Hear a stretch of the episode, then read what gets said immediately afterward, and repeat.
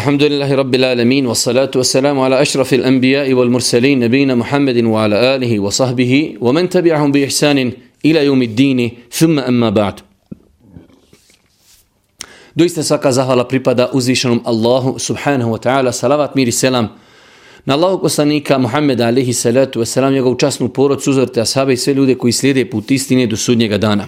Uvažna braćo, poštovani sestre, uvaženi gledatelji, Ovo je peti dan zimske škole Islama, odnosno deveti čas. Prije nego počinemo sa večerašnjim predavanjem, konkretno govoriti o namazu, želim da spominem nekoliko napomina.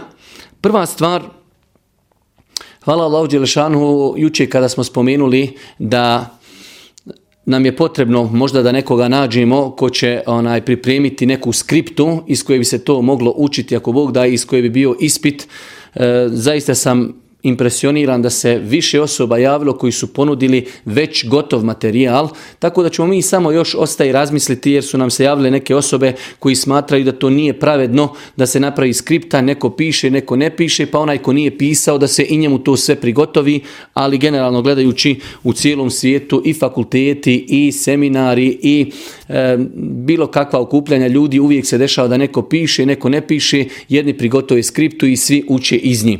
U svakom slučaju imaju. Doista sam impresioniran, e, više osoba ne znajući otkud i kako im broj telefona javilo se i poslali su gotov materijal, pa sam znači tim fasciniran i zadovoljan sam e, time da, hvala Allahu, ima dosta braći se stara koji zaista ozbiljno pristupaju ovoj zimskoj školi Islama. Druga stvar, Cijeli dan od juče i danas razmišljam da li da o tome progovorim, ali evo kratko ćemo progovoriti. Počeli smo već dobivati neke kritike na našu zimsku školu islama.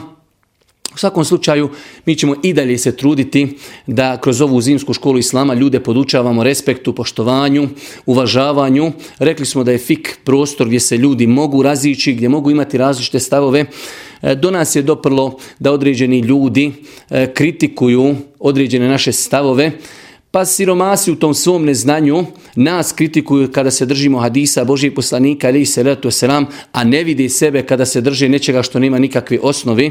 Konkretno u pitanju je uh, e, imamo prigovor na, na to da jedenje devinog mesa kvari abdest. Mi smo kazali da u pogledu toga postoji jako razilaženje. Spomenuli smo dva vjerodostojna disa Božih poslanika, ali i Seratu Esram, koji jasno ukazuju da nakon jedenja devinog mjesa treba obnoviti abdest. Isto tako respektujemo, poštujemo sve one koji smatraju da jedenje devinog mjesa ne kvari abdest. Ali E, neko nama ne dopušta da se držimo hadisa Božijeg poslanika, a onda se poteže neka predaja kao Božiji poslanik je sjedio sa sahabima, pa je neko od njih pustio vjetar, pa nije, bilo ih je stid, pa je Boži poslanik rekao, hajde svi koji su jeli devino meso, nek abdeste, takva predaja u islamu ne postoji. Ali nažalost, eto, ti učeni ljudi, oni su spremni se e, držati neki predaja koji ne postoji u islamu, a nama ne dopuštaju se držimo vjerodostojni hadisa. U svakom slučaju, e, idemo dalje, idemo dalje. I treća napomena, Braćo moja draga i cijene sestre, mi smo se obavezali da ćemo ako Bog da na kraju ovog našeg, od naše ško, zimske škole Islama, da ćemo obizbijediti nekoliko odlazaka na umru. Ali želim da savjetujem i sebe i vas, nemojte učiniti da odlazak na umru bude glavni razlog što učite. Znači zaista e, insan kada uči vjeru to je veliki ibadet. Učiti vjeru je ibadet. Učenje šerijetskog znanja je jedan od najboljih ibadeta u islamu i nemojte sebi dozvoliti da vam odlazak na umru poremeti nijet. Čovjek treba da ima namjeru, želim da se podučim propisima vjeri. Ako usto dobijem neku nagradu koja je sporedna, fala Allahu Đelešanu, ali nemojte, molim vas, i to je čak šerijatski sporno, da glavni faktor zbog kojih slušate i učite bude odlazak na umru. Glavni faktor treba da bude da prisustvujete, da pišete, da učite zato što želite da naučite nešto novo od vjeri. A nakon toga, ako vas Allah Đelšanu počasti da budete izučeni, da idete na umru, definitivno, definitivno je to nešto, hajde kažemo, dodatno. Mi se, evo, napokon vraćamo i mislim da ste dobili i ton napokon. Vraćamo se, ako Bog da, našoj zimskoj školi Islama, poglavlje namaza. namaza. Namaz, juče smo u osmom predavanju posvetili e, posebno cijelo predavanju u kojem smo govorili o bitnosti namaza u islamu. I rekli smo, mi i prije ovog predavanja i nakon ovog predavanja govorimo sve o propisima koji se direktno ili indirektno vezuju za namaz, pa je nelogično da imamo ljude koji slušaju toliko precizne predavanje propise o namazu, kada je u pitanju tejemum, pa hajz, pa nifas, pa potiranje po turbanu, pa potiranje po mestama, a čovjek u osnovi ne klanja. Pa je cilj učerašnjeg osmog predavanja bio da jednostavno kod nas pobudi i probudi želju za redovnim obavljanjem namaza. Islamski učenjaci kada govori o namazu kažu da se namaz dijeli u dvije kategorije. Imamo namaz strogo narijeđeni farz namaze i imamo dobrovoljni namaze, takozvani na file. E, veoma je bitno da čovjek vjernik poznaje ovu podjelu, zato što u praktičnom smislu ćemo ona sigurno mnogo trebati. Mi ćemo poslije govoriti o tome da znači, kada je u pitanju sabah namaz, farz sabahskog namaza su dva rekiata, farz podni namaza su četiri rekiata, farz ikindije namaza su četiri rekiata, farz akšam namaza su tri rekiata i farz jaci namaza su četiri rekiata. To je ono što je strogo propisano vjerniku. To je ono za što će čovjek biti pita na sudnjem danu. U svaki od, ovaj, od, od ovih namaza postoje dobrovoljni namazi na file.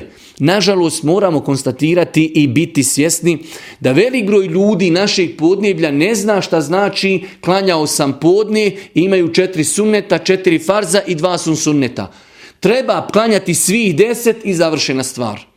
Što može uzrokovati doći do situacije da čovjek nekada nema vremena da klanja 10 rekiata, žuri jer je na aerodromu, jer je na poslu, jer je u kancelariji i tako dalje. Šta ćemo tom čovjeku kazati? Kazat ćemo mu Allah te nagradio, klanjaj ono što ti je obaveza, 4 rekiata. Kada možeš i kada si slobodan imaš volje i tinja, klanjaj i sunnete. Pa je veoma bitno da znamo praviti razliku između propisanih farz namaza i dobrovoljnih namaza, pogotovo u praktičnih praktičnom smislu, nekada kada putujemo, nekada kada smo na poslu, nekada kada smo u nekim teškim situacijama, ne smijemo dozvoliti da nam pruđi namaz, ali ćemo klanjati samo farze. Kada su u pitanju farzi, kada su u pitanju farzi, postoje dvije vrste opet farza. Prvo, znači imamo namaz se dijeli na propisani farze i na one koji su dobrovoljni. U farzima imamo podjelu da su neki farzi farz ajn, stroga obaveza svakom pojedincu. I imamo druge koji su farz kifaje, kolegijalna obaveza. Farz ajn, ono što je obaveza svakom muslimanu, jeste pet dnevnih namaza, sabah, podni, akšam, ikindija i jacija. To je pet namaza koji su obavezi svakom muslimanu, svakako poslije ćemo govoriti pod kojim uvjetima. Dok imamo kolegijalne obaveze, primjer radi dženaza kada umre neko u muslimanskoj sredini, samo nekoliko ljudi, ako klanja tom čovjeku dženazu namaz, oni su ispoštovali ono što od nas islam traži, da neko njemu klanja dženazu. Ali ako niko ne bi nekom muslimanu klanjao dženazu, onda bi to podneblje čitavo bilo griješno. Jer kolegijalna obaveza, njena definicija znači, ako tu kolegijalnu obavezu bilo ko iz tog društva ispuni, svi ostali nisu griješni. Ako je niko ne ispuni, svi su griješni. Primjer je isti sa ezanom. Ezan je kolegijalna obaveza. Ako samo jedna osoba u jednom mjestu, u jednom selu, u jednom gradu prouči ezan, niko nije griješan. Ali ako niko ne prouči, svi će biti griješni jer nisu ispunili kolegijalnu obavezu. Pa znači, vraćamo se na početak, imamo obavezni namaze, imamo dobrovoljni. Obavezni se dijeli na dvije kategorije, oni koji su stroga obaveza svim pojedincima, farz ajn, imamo farz kifaje, kolegijalna obaveza, rekli smo njezin primjer i na što se to odnosi. Kada su u pitanju dobrovoljni namazi, rekli smo da su to namazi koji nisu strogo naređeni, već ako ih čovjek klanja imaće sevap, nagradu kod Allaha, ali ako ih izostavi, neće biti pita na sudnjem danu. Ako ih bude klanjao, pa mu na sudnjem danu zafali farza, putem na filije će mu se to nadomjestiti. Ali opet, bez obzira, čovjek na sudnjem danu neće biti pitan je li klanjao na filu ili nije. Pa primjera radi, samo jednu izostavljanje jacije čovjek će na sudnjem danu strogo biti pitan zašto izostavio. A može čitav život da ne klanja teravih namaz i neće ga uzvišeni Allah pitati. Ali ako klanja, on ima nagradu. I ovo je znači ispravno razumijevanje propisa Islama. Dobrovoljni namaz, sama riječ kaže dobrovoljni namaz, ko hoće klanja ima sevap, koga izostavlja izostavi neće biti griješan, onaj koga klanja imaće za njega nagradu i na sudnjem danu ako mu bude falilo nešto među farzima, bit će mu nadomjesteno, bit će mu nadomjesteno na filama, kao što je spomenuto u vjerodostinu hadisima Božih poslanika, alihi salatu wasalam. Juče smo spomenuli da je namaz, kada govorimo o pet propisanih namaza, da je to stroga obaveza, spomenuli smo mnogo argumenta koji kazuju na obaveznost namaza u islamu. Nakon toga smo spomenuli da islamski učenjaci vode velike rasprave u pogledu osobe koja ostavi namaz iz ljenosti, pa smo rekli da je bilo učenjaka koji su smatrali ako čovjek ostavi namaz iz ljenosti, da više nije musliman. Velika većina islamskih učenjaka smatrala čovjek ako ostavi namaz iz ljenosti, on je musliman, ali u sve to je veliki, veliki griješnik. Čak islam, e, islamski učenjaci kao Ibnul Qajim navodi primjer da je ostaviti namaz gorije nego izinalučiti i konzumirati alkohol i tako dalje. Pa znači čovjek vjernik bi trebao da pazi na farz propisane namaze. Kažu islamski učenjaci u pogledu kome je namaz obavezan ovo je veoma bitno da zapamtimo, kome je namaz obavezan. Prva stvar, namaz da bi bio nekoj osobi obavezan, treba da bude musliman. Znači, nemusliman može stati i cijeli dan klanjati, tomu se kod Allaha subhanahu wa ta'ala ništa ne broji. Jer mu fali ona jedinica koja se zove La ilaha illallah Muhammedur Rasulullah inne dine inda Allahi el Islam. Jedina priznata vjera kod Allaha Đelešanu jeste Islam. Allah poslanik alaihi salatu wasalam kaže neće čuti za mene bilo koji niti židov, niti kršćanin i ne povjeruje u mene, a da neće biti stanovnik vatri. Pa je znači uvjet da bi naša djela bila primljena kod uzvišnog Allah, subhanahu wa ta'ala, prvi uvjet jeste islam. Drugi uvjet jeste razum. Da bi određenoj osobi namaz bio obavezan, osoba treba da bude razumna. Što znači, nerazumnim osobama, ljudi znači koji nisu razumni, njima namaz nije obavezan. Kaže Allah, sanik ali se ratu sa ramom i rodosvenom hadisu, pera su podignuta od trojice, njima se ne pišu grijesi, jednostavno znači nemaju oni nikakvih obaveza, kaže Allah, poslanik ali se ratu sa ramom, čovjek koji spava dok se ne probudi. Čovjek kada bi usnu i rekao nešto loše ili slomio nešto, njemu se ne pišu grijesi kaže se u nastavku Adisa, dijete dok ne postane punoljetno. Dijete njemu pero ne piše grijehe pera mu pišu dobra djela, dok djeci se ne pišu grijezi, dok ne postane punjeljto. I na kraju kaže Allah poslanik e, osoba koja je u ludilu, dok znači ne napusti je to njeno ludilo, ako je ikada napusti, njoj se isto grijesi ne pišu. Pa je prvi uvjet da bi nekom i namaz bio obavezan, jeste da je musliman, nakon toga da je razuman i treća stvar da je punoljetan. treća stvar da je punoljetan. Veoma je bitno E, zbog bitnosti teme i velik broj ljudi ne poznaje tu tematiku, e, poznavati kako u islamu osoba postaje punoljetna. Kako u islamu osoba postaje punoljetna. Nerijetka nam se dešava da roditelji, njihova djeca postaju punoljetna, oni ne mijenjaju svoj odnos prema njima nikako. A onog momenta kada dijete postane punoljetno, roditelji treba da znaju da je dijete postalo punoljetno, tada znači počinju da mu se pišu grijesi. Tada bi dijete trebalo da redovno počne klanjati, ako je u pitanju djevojčica da nosi mahramu i tako dalje. Znači jednostavno dijete je postalo punoljetno i na njega se odnosne svi propisi islama kao na sve druge muslimane. Pogotovo kad su u pitanju djevojčice, djevojčice mogu od 10, 11, 12 godina, juče smo kazali, dobiti prvu mjesečnicu i samim tim one tada postaju punoljetne, što znači počinju im se pisati i grijesi, a dobra djela su im se pisala i prija. Pa je bitno da znamo kako Islam gleda na to kada Islam postaje punoljetan. Prva stvar jeste e, polucija. Znači ako muškarac ili žena dožive u snu e, poluciju, poluciranje sjemena, e, oni su na taj način, to je pokazatelj da su oni punoljetni. Druga stvar jeste e, da oko stidnih dijelova tijela se pojave dlake. Ne oni neke standardne dlake koje imaju po cijelom tijelu, već su to, znači, kao baš islamski učenjaci kažu, deblje i grublje dlake. Znači, kada počnu se javljati dlake oko stidnih dijelova tijela kod muškarca i kod žene, to je pokazatelj da je ta osoba postala punoljetna. I treća stvar, dostizanjem 15 godina. U pogledu ovog pitanja postoje različite stave kod islamskog učenjaka, ali Allah najbolji zna jedno od najjačih mišljenja jeste da osoba u islamu kada napuni 15 godina, samim tim ona postaje punoljetna. Četvrta stvar se vezuje za žene, a to je e, dobivanje mjesečnice ili eventualna trudnoća. Znači ova dva pokazatelja su pokazatelj da je osoba punoljetna.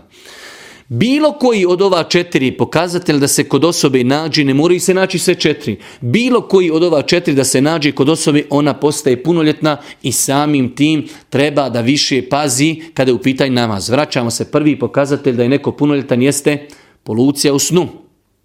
Drugi pokazatelj jeste da insan dostigne 15 godina, znači napuni 15 godina. Iako, rekli smo, u pogledu ovog pitanja postoji razilaženje kod islamske učenjaka. Treći pokazatelj jeste e, pojava e, crnih dlaka oko, oko stidnih dijelova tijela I četvrta stvar vezana samo isključivo za žene jeste pojava mjesečnice ili eventualna trudnoća, to su pokazatelji određena osoba, da je određena osoba punoljetna. Samim tim ako roditelji uh, a i na kraju krajeva i sama djeca, ako primijete da imaju neki od ovih pokazatelja, to je pokazatelj da su punoljetni i treba dodatnu pažnju da pazi kada je u pitanju post, kada je u pitanju namaz, kada je u pitanju hijab i tako dalje. Ako su eventualno bogati, treba da više pazi na zekijat.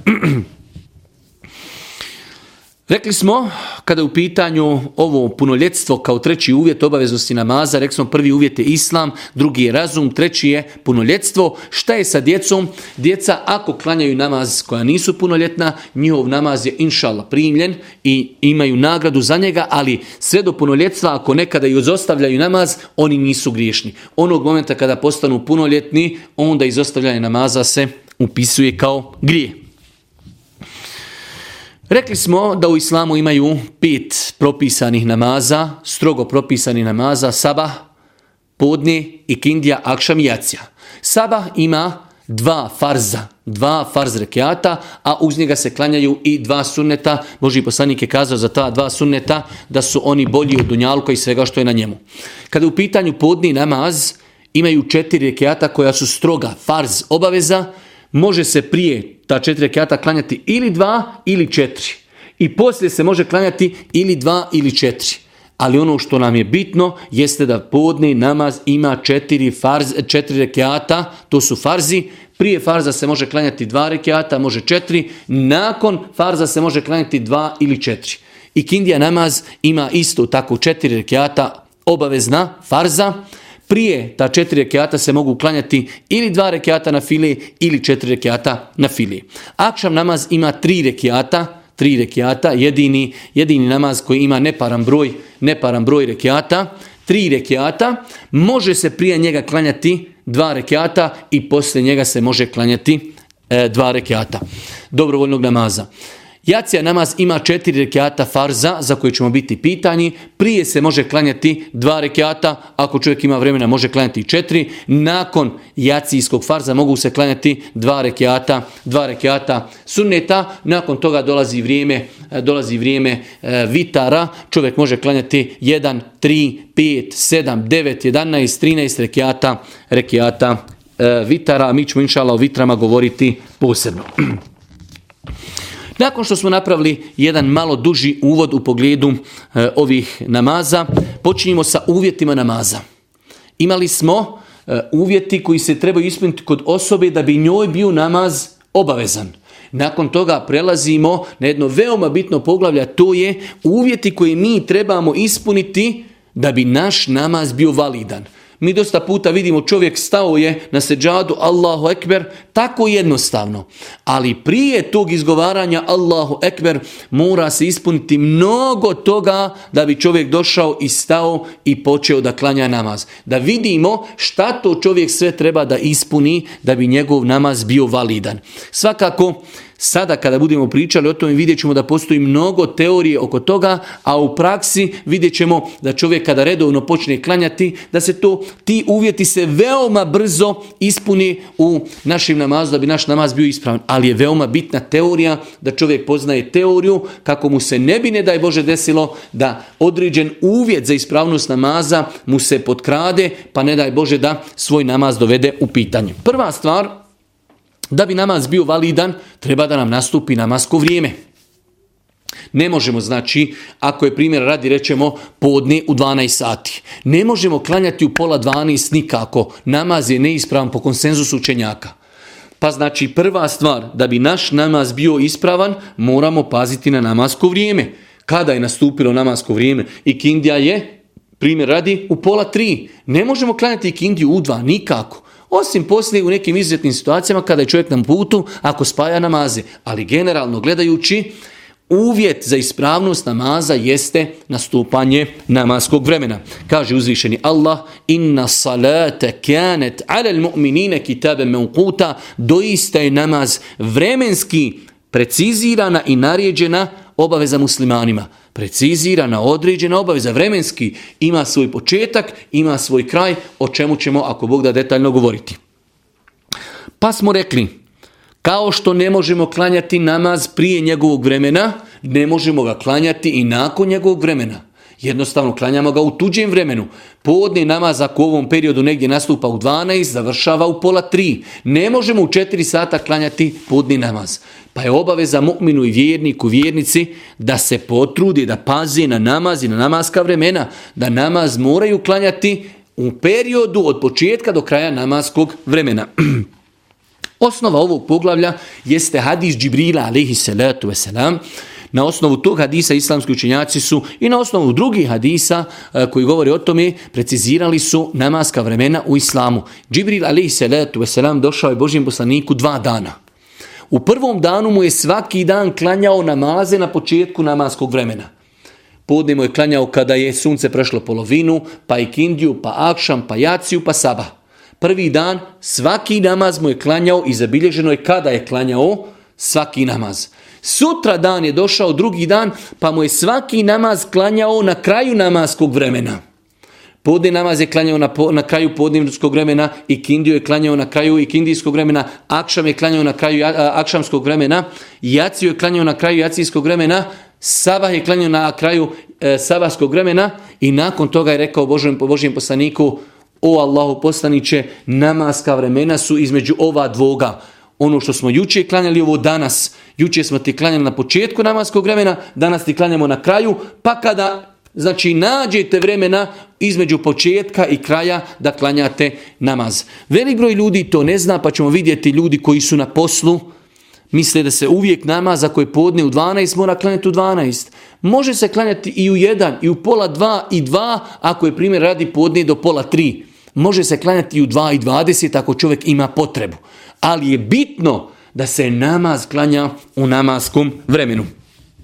Dobro, rezimirano i kratko čisto, ako bi nam danas ljudi većinom koriste aplikacije, koriste takvime, koriste, ali može se veoma lahko desiti da čovjek bude negdje na putovanju, da bude negdje na izletu e, i tako dalje, gdje mu je potrebno da zna teoretski i praktično kada nastupa namasko vrijeme za svaki namaz. Počet ćemo od sabaha. Sabah namaz počinje sa pojavom zori. Znači, na istoku, tamo gdje sunce izlazi, kada se počnu pojavljivati prvi tragovi na vrhovima planina, to je pokazatelj da je sabah nastupio i sabah traje dok sunce iziđe. Jednostavno, islam je toliko jednostavan da sve vezuje za neke velike vidne prirodne pojave koje može svaki čovjek upratiti. Hvala Allahu, mi danas imamo takvime, mi danas imamo aplikacije, ali unazad samo stotinu godina to ljudi nisu imali, pa su ljudi određivali na osnovu toga. Saba znači sa pojavom zorije do izlaska sunca. Podni namaz nastupa onog momenta kada sunce priđe polovinu neba. Praktično, kako ćemo znati kada je sunce prešlo polovinu neba, stavimo jedan, hajde kažemo jedno koplje ili jedan štap u zemlju i kako ga sunce udara sa istoka, kako je izišlo sunce, sjena tog štapa se smanjuje, smanjuje, smanjuje kako se sunce podiže na nebo. Kada sjenka prestani da se smanjuje, tada je sunce na polovini. Kada sunce krene prema zapadu, sjenka ponovo počne da se povećaje. Onog momenta kada se sjenka počela povećavati, nastupio je podni namaz. Onog momenta kada sjenka počne se povećaje, nastupio je podni. Zašto? Jer je sunce oborilo, prešlo je polovinu neba. Podni namaz traje sve dok dužina sjenke nekog prijedmeta bude duga kao taj prijedmet. Svakako, kada bude podni namaz, u većini slučajeva uz sam prijedmet, kada sunce bude na polovini neba, ima mala sjenka. Ta mala sjenka se ne broji. Pa znači, ako imamo štap koji je dug metar i kada sunce bude na polovini neba, taj uz taj metar rečemo da ima sjenka koja je 10 santi. I kindija nastupa onog momenta kada sjenka tog štapa bude metar i 10 santi dužina prijedmeta i dužina one sjenke koja je bila kada je sunce bilo u zenitu. Nadam se inšala da je jasno, znači kada dužina sjenke bude duga kao sam prijedmet sa onom dužinom sjenke koja je bila kada je sunce bilo u zenitu, tada nastupa ikindija. Ikindija traje sve dok sunce počne crveniti. Sve dok počne crveniti, Znači to je neko dobrovoljno vrijeme kada se može ikindija klanjati, a može se klanjati sve do zalaska sunca za osobe koje imaju potrebu. Znači do zalaska sunca. Kada sunce zađe, nastupio nam je akšam namaz. Akšam namaz traji sve dok vidimo crvenilo na zapadu tamo gdje je sunce zašlo. Onog momenta kada više ne možemo razlikovati je li sunce zašlo ovdje ili ovdje jer je nestalo crvenila, tada je nastupila jacija i traje do polovine noći inšala bizna po preferirajućem mišljenju, iako u pogledu jacije postoji e, više stavova kada završava jacija namaz, ali ono što je zabilježeno u vjerodostojnim hadisma jeste na polovini noći. Kako odrediti polovinu noći od perioda zalaska sunca, od perioda zalaska sunca do pojave zori?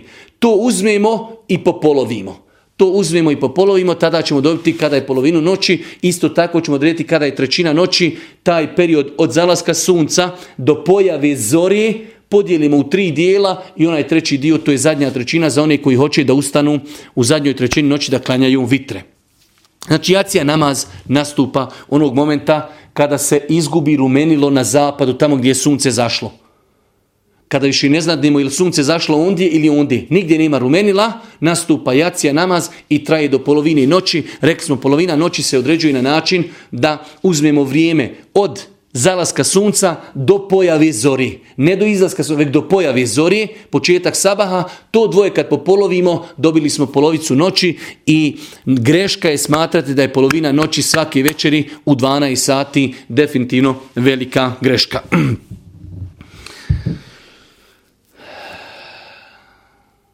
Dobro, nakon toga vezano još za namasko vrijeme, e, čime stižemo da možemo kazati da smo namaz klanjali u namaskom vremenu. Rekli smo malo prije da je Džibril klanjao sa Božim poslanikom na početku namaskog vremena i drugi dan je klanjao na kraju. I onda mu je kazao namaz je između ovoga dvoga. Dobro, kako mi možemo znati da smo stigli jedan namaz klanjati u njegovom vremenu? Kaže Allah poslanik u vjerovostvenom hadisu Men edrake reke aten ko stigne klanjati jedan rekiat od namaza, on je stigo taj namaz. Pa primjer radi kada bi rekli da ikindija, da ikindija u 2 i 30. U 2 i 30. Ona insan koji klanja u 2 i 20, pa 2 i 25, ako uspije klanjati prvi rekiat prije nego nastupi pola tri, on je inšala biznila uspio klanjati podni. Svakako, tu se ne treba sa tim poigravati, ali je nama bitan propis. Nekada će čovjek možda u cijelom životu jednom će mu trebati taj propis. Ostalo još 5 minuta do ikindije, imam li vremena? Iman. Allahu ekver, proučim fatihu, proučim kulhu valla, odim na ruku i vratim se, elhamdulillah. Ako je nastupla ikindija, ja sam uspio klanjati podni. Ja ću klanjati ostala tri rekiata, ali mi je bitno da sam jedan rekiat uspio klanjati u podnevskom vremenu. Ja sam hadis Božih poslanika, ali se letu, a seram bilo učenjaka koji su smatrali i drugačije stavove, ali ovaj hadis je toliko jasan da Allah poslanika, ali se letu, a seram kaže men edrake rekaten min, min salati, fekad edrak onaj ko stigne klanjati jedan rekijat u namaskom vremenu, on je inšala stigao klanjati cijeli namaz. ovaj hadis bilježi Buharija i Muslim, tako da inšala u pogledu njega nema problema u pogledu njegove vjerozostojnosti. Nakon toga, ovo je bio sve prvi uvjet.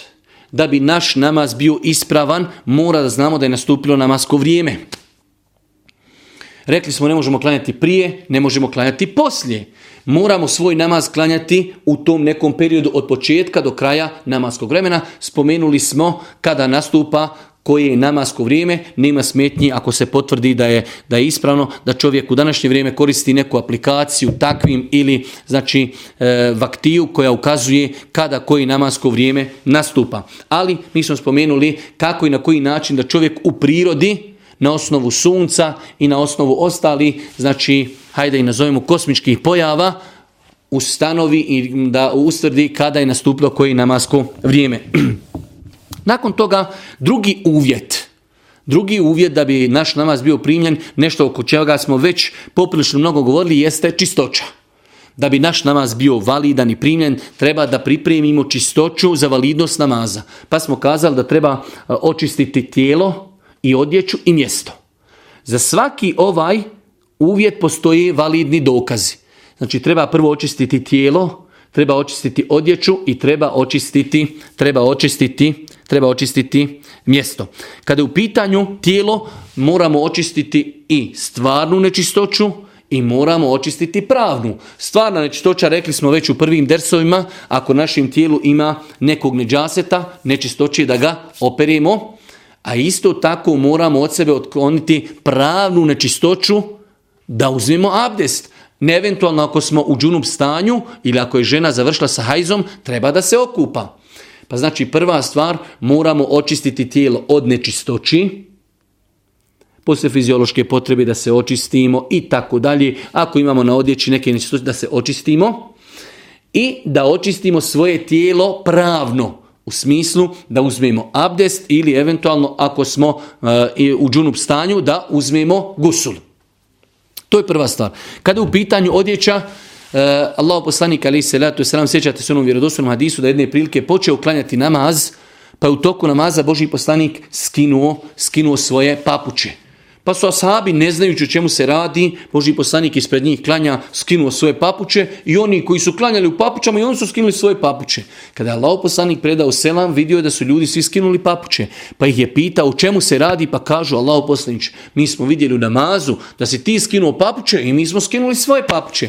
Pa Allah poslanik kaže, meni je došao Džibril, alaihi salatu wasalam, pa mi je kazao da na mojim papučama, mojoj obući, ima nečistoći pa sam ja skinuo svoju obuću, obuću u toku namaza. Pa nam ovaj hadis i mnogi drugi hadisi potvrđuju da je čovjeku obaveza u toku namaza da mu bude čisto tijelo i da mu bude čista obuća i odjeća koju nosi na sebi. I treća stvar koja nam potvrđuje da, da je obaveza da pazimo mjesto na koji ćemo klanjati poznati na hadijskoj bilježi Buharija i Muslim, da je jedne prilike došao čovjek stranac, beduin, čovjek pustinjak došao je u džamiju Božijeg poslanika, pa u jednom čošku, jednostavno ne znajući za kodeks ponašanja i niti u džami, niti prema Božijem poslaniku, otišao i okrenuo se od ljudi i počeo vršiti, e, počeo im okriti malu fiziološku potrebu, pa su ljudi počeli da ga kritikuju, htjeli su čak i da ga kazne fizički, pa je pa je Allah poslanik ali se letu selam spriječio i rekao pustite ga nek završi gotovo sad ako ga počnete dirati pokretati možda će isprljati i sebe i odjeću i možda će još unečistiti veći dio džamije pustite ga nek ga završi i nakon toga u svim rivajetima ovog hadisa stoji da je poslanik rekao prospite potom i jer je tada bila džamija, nije bila zastrta čilima, na, na zemlji se klanjalo. Rekao je, prostite, potom je polijte jednu kantu vode, iako Bog da to kad se poslije osuši, to je čisto. Tako da nam ovo jasno ukazuje da je obaveza da čovjek pazi na mjesto na kojem klanja, da mu odjeća bude čista, obuća da mu bude čista i da mu tijelo bude čisto od nečistoće i da mu tijelo bude čisto od pravne nečistoće da uzme abdest ili eventualno gusul. Ono što je lijepo i što bi trebao da poznaje čovjek vjernika vezuje se za ovo pitanje jeste šta će se desiti, kakav je propis ako čovjek klanja, klanja i u toku namaza sjeti se da na odjeći ima neku nečistoću ili ako se sjeti nakon namaza. Znači mi smo rekli ako imamo prije namaza, mi ćemo to ukloniti. Imamo sada druge dvije varijante. Mi klanjamo i sjetimo se da na našoj, od, na našem rukavu od košulje ima neka nečistoća, to je u namazu, i imamo drugo nakon namaza. Mi smo bili u WC-u i zaboravili smo da je naš veš se uprljao nečistoćom mokraći. Nismo odmah promijenuli veš, otišli smo, klanjali smo, došli smo kući, sjetili smo se. Kakav je propis jednog i propis drugog? Znači, kada je u pitanju neđaset prije namaza, moramo ga uklonuti. Svjesno ako smo. Kada je u pitanju neđaset kojih se mi sjetimo u namazu, postoje dvije kategorije. Imamo neđaset kojeg mi možemo u namazu uklonuti i da je naš namaz i dalje ispravan. Primjera radi, čovjek klanja u košulji ispod košulje ima majicu kratkih rukava ili eventualno klanja u sakovu. I na sakovu, na rukavu tog sakova ima nečistoći. I čovjek je počeo klanjati i kada je počeo svakako tada će mu tek šitan kazir, prije toga mu neće sigurno došapnuti i u namazu mu kaže imaš nešto prljavo na sakovu. Šta će on urati? Skinuće lagano saku, ostavit će sa strane i nastaviti klanjati. To u situaciji šta? Kada može sa sebe skinuti odjeću i može nastaviti namaz. Za razliku, na čovjek, rekli smo prvi primjer, bio je u WC-u i kapno je mokraće na, njegovu, na njegov veš unutarnji. Zaboravio je se presvući, počeo je klanjati i šeitan u namazu kaže ima, sjećaš li se da ima mokraći na tvom donjem vešu. U toj situaciji, pošto je nemoguće skinuti donji veš u namazu, čovjek će prekinuti namaz, otići skinuti nečistoću, vratit će se i ponovo će klanjati. Znači imamo prvu situaciju, neđaset, nečistoća prije namaza se treba uklonuti. U toku namaza imamo dvije opcije. Da je to nešto što možemo skinuti i možemo nastaviti. Primjer radi, čovjek ima hlače i ima ispod trenirku.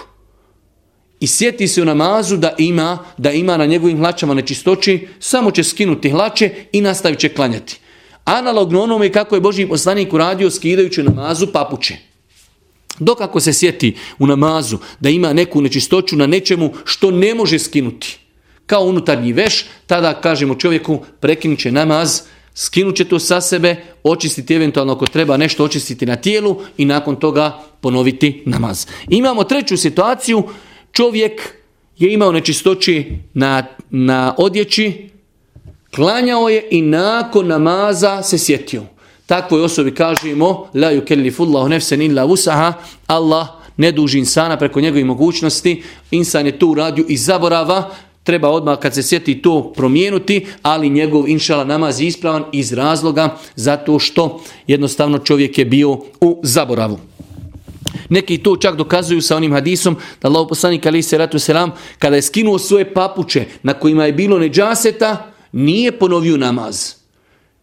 Tako isto i ovaj čovjek koji nakon namaza se sjeti, on je, znači u datom momentu sličan Božijem poslaniku koji je počeo klanjati sa obućom koja ima nečistoću i nije Božiji poslanik ponovio taj dio namaza, već je samo nastavio klanjati.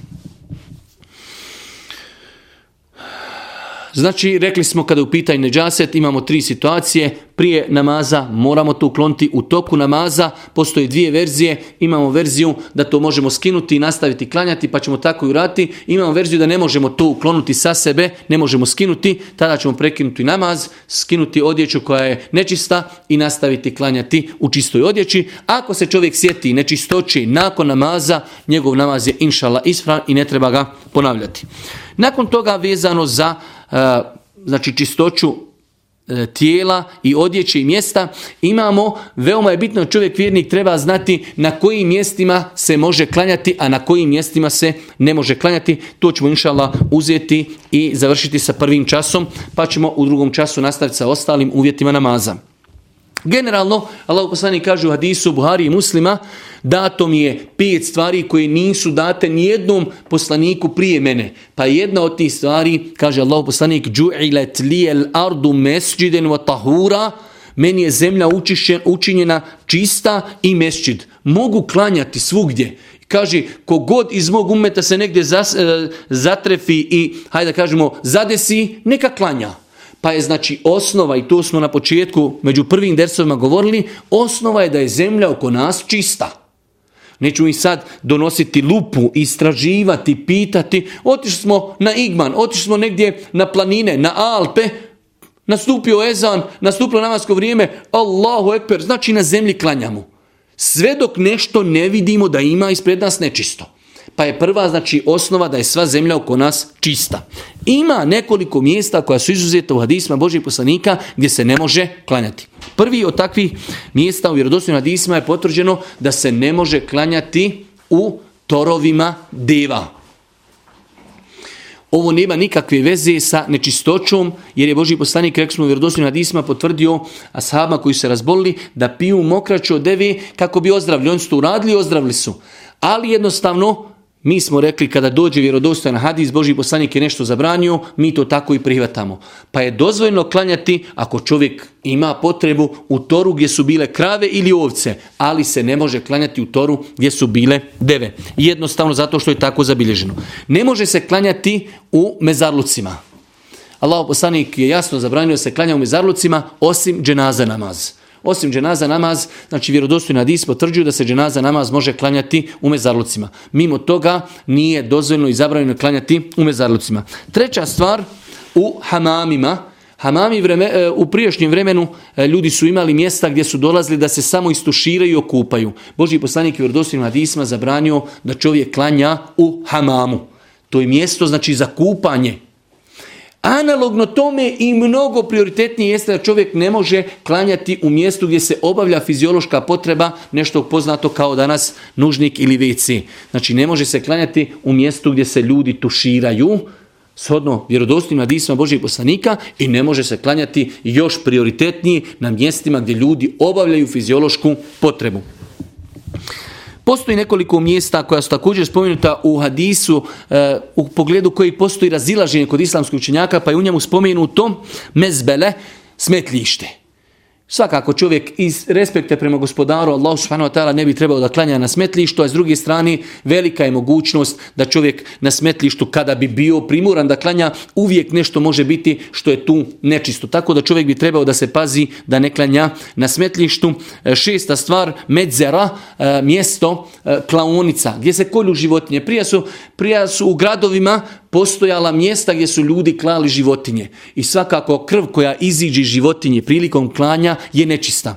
Pa svakako čovjek vjernik ne bi trebao da klanja na mjestima gdje ljudi kolju životinje, osim da zna da zaista na nekom mjestu je zemlja čista, odnosno se ne vidje tu tragovine čistoći, inšala može tu klanjati. Zadnja stvar, i tim ako Bog da završajemo, završajemo uh, ovo prvi čas, uh, uvjeti o namazu jeste da li se može klanjati na zemlji koja je uzurpirana. Jer sve se opet radi i cijelo vrijeme govorimo o mjestu klanjanja i o, o odjeći. Isto tako i u odjeći koja je ukradena, uzurpirana. Islamski učenjaci e, se slažu da je to zabranjeno, ali je tačno da je namaz ispravan. Znači, čovjek uzurpira od nekoga zemlju, ukrao, pomjerio menjik i tako dalje. I dođe i klanja na toj zemlji. On čini grijeh ali njegov namaz je ispravan. Ovo je veoma bitno da, hajde da kažemo, razdvojimo, njegov namaz je ispravan, ali njegov postupak je, njegov postupak je a, a, zabranjen. U svakom slučaju, ovo su bila dva prva uvjeta nam, za ispravnost namaza, nastupanje namazskog vremena i drugi uvjet jeste tahara. Mi ćemo se, ako Bog da, kratko, kratko samo a, e, zaustaviti, napraviti jednu kraću pauzu i nakon nekih desetak minuta vraćamo se, ako Bog da, našem drugom času. Subhaneke, Allahumma bihamdike, ešhedu لا إله إلا أنت استغفرك وأتوب إليك